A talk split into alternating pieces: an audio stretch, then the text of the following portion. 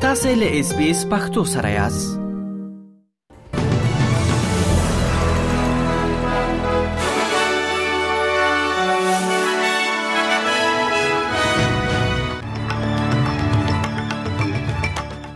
د امریکا په کالیفورنیا ایالت کې امنیتي مسؤلین د دغه هیواد د استازو جرګې د مشرې نانسي پلوسی پر کور د برید تیړنه کوي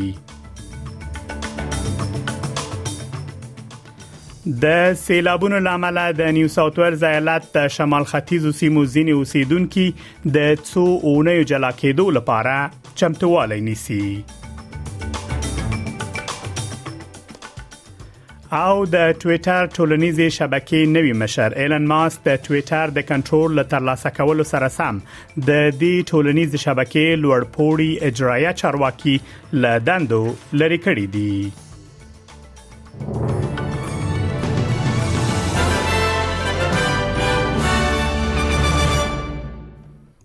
اوس هم پام وکړئ بشپړ خبرونه ته د امریکا په کالیفورنیا ایالت کې امنیتي مسؤلین د دغه هیواد د استازو جرګې د مشر نانسي پلوسی پر کور د بریټ څېړنه کوي په هغه بریټ کې چې 13 ورځ د نانسي پلوسی پر کور تر سره شوی د هغې دوه اتیا کلن خاوند ټپي شوی دی راپورونه کوي چې بریټګر د میرمن پلوسی کور ته لننوتلو سره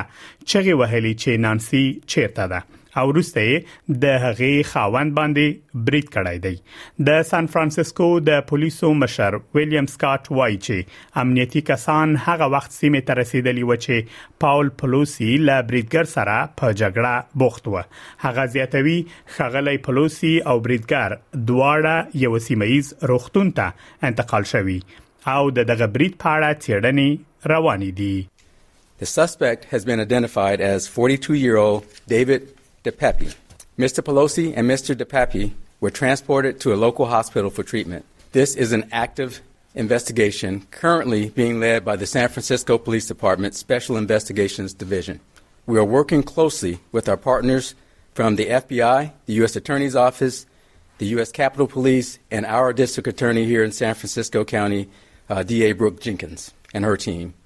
د متحده ایالاتونو د پایتخت پولیس چې د کانګرس د مشرانو د امنیت ساتلو دند لري وایي چې د استادو د مجلس مشر نانسی پولیسی د بریټ پر وخت په واشنگټن ډي سي کې و د سان فرانسیسکو سرنوال وایي چې له بریټ وروسته د پولیسو چټک خبرګون ستایلی دی ترڅو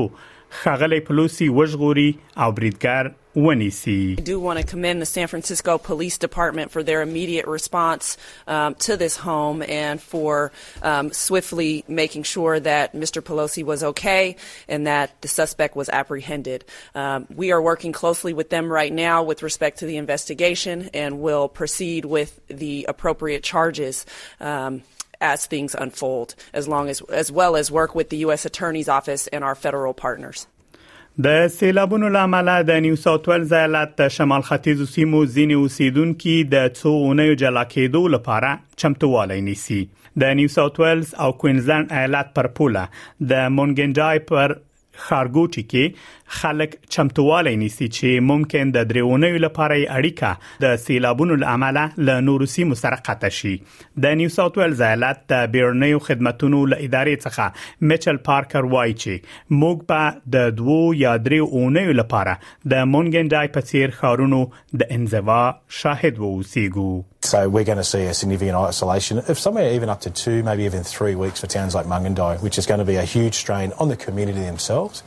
but also on the services having to provide the delivery to those communities. د ټوئیټر ټولنیزې شبکې نوی مشر ایلن ماسک د ټوئیټر د کنټرول له ترلاسه کولو سره سم د دې ټولنیزې شبکې لوړپوړي اجرایه چارواکي له دندو لری کړی دي د امریکایي رسنیو راپورونو پر بنسټ ماسک د ټویټر ترلاسه کولو وروسته په سملاسي توګه د دې کمپنۍ اجرایوي مشر پاراګ اګروال د مالی برخې او د کمپنۍ حقوقي مشر له دندو لري کړی دی ماسک د ټویټر کنټرول له هغې څو ساعته مخکې خپل کړ چې د محکمې لخوا د دغه ټولنیز شبکې د اخیستلو لپاره ورته ضرب الاجل ټاکل شوی و د اغلی ماسک له کنټرول اخیستلو وروسته اوس پر رسنیو کې د هغو حسابونو د بیرته خلاصولو په اړه خبرونه خبريږي چې د ټوئیټر لخوا تړل شوې دي په ورستي اقدام کې ټوئیټر شبکې د سندرغاړي او سوداګر کینی ویسټ حساب بیرته فعال کړی دی دغه حساب د سیمټیک ضد څرګندونو وروسته غیر فعال شوی و د استرالیا او نوی زیلند لپاره د فیسبوک په خوانی اجرایوي رئیس سټیفن شیلر د ایلن ماسک له کنټرول وروسته د ټولنیزو رسنیو راتلونکو په اړه اندېښنه څرګنده کړې ده هغه وایي کچيري په لوړه کچه ټولنیزو رسنۍ ته وکتل شي په نړۍ کې د ټولنیزو رسنیو درې لوی پلیټفارمونه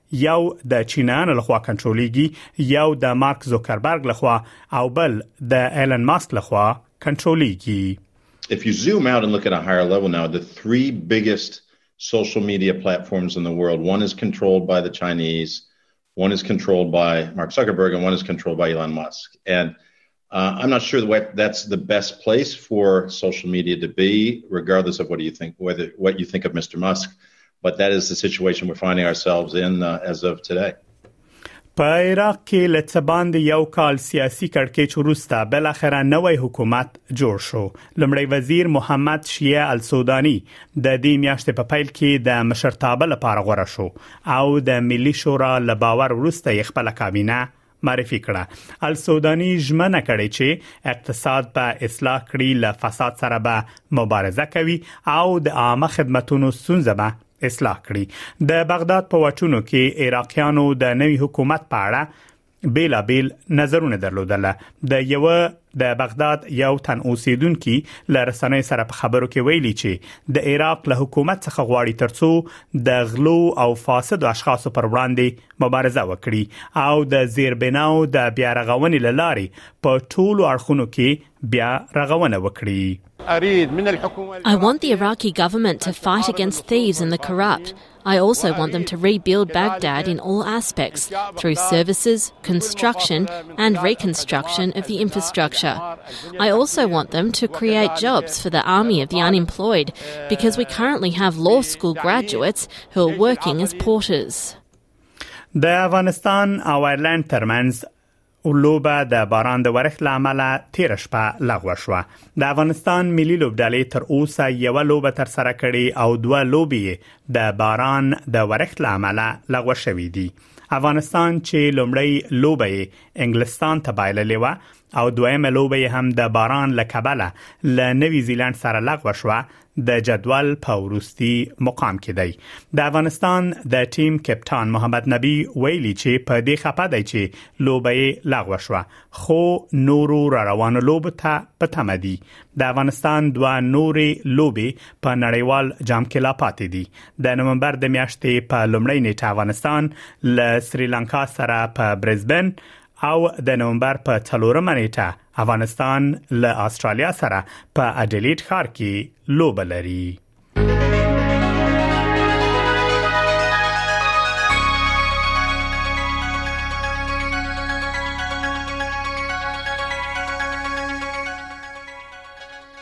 اوس هم پام وکړئ د هوا حالاتو ته په سیدنی کې ډیری لمر د تودوخه لوړه درجه شپږ ویشت په ملبون کې وریز د باران امکان شته د تودوخه لوړه درجه ولس په برزبن کې ډیری لمر د تودوخې لوړه درجه یو دیش په پرت ښار کې وریز او باران د تودوخې لوړه درجه 19 په اډلیډ کې نیمه وریز د تودوخې درجه 19 په داروین کې لمر د تودوخې لوړه درجه 15 دیش په کانبرا کې نیمه وریز د تودوخې لوړه درجه 14 په نیوکاسل ښار کې ډیری لمر د تودوخې لوړه درجه 22 او له استرالیا څخه بهر په کابل کې وریز ډیری لمر د تودوخه لوړه درجه 22 او ټیټه 15 په پیښور کې لمر د تودوخه لوړه درجه 9 او ټیټه 14 دا هم د استرالی ډالر پر وړاندې د نورو اسعارو پای د استرالیا یو ډالر 4 شپېته امریکایي سنت یو استرالی ډالر 4 شپېته یورو سنت او 55 بریټانوي پنسه د استرالیا یو ډالر 250 هندیو کلدارو او یو سلو یو څلويختو پاکستانیو کلدارو سره برابرېږي او د استرالیا یو ډالر شپږ 50 افغاني کیږي خبرونه همدومره و لاملتيامو مننه کوم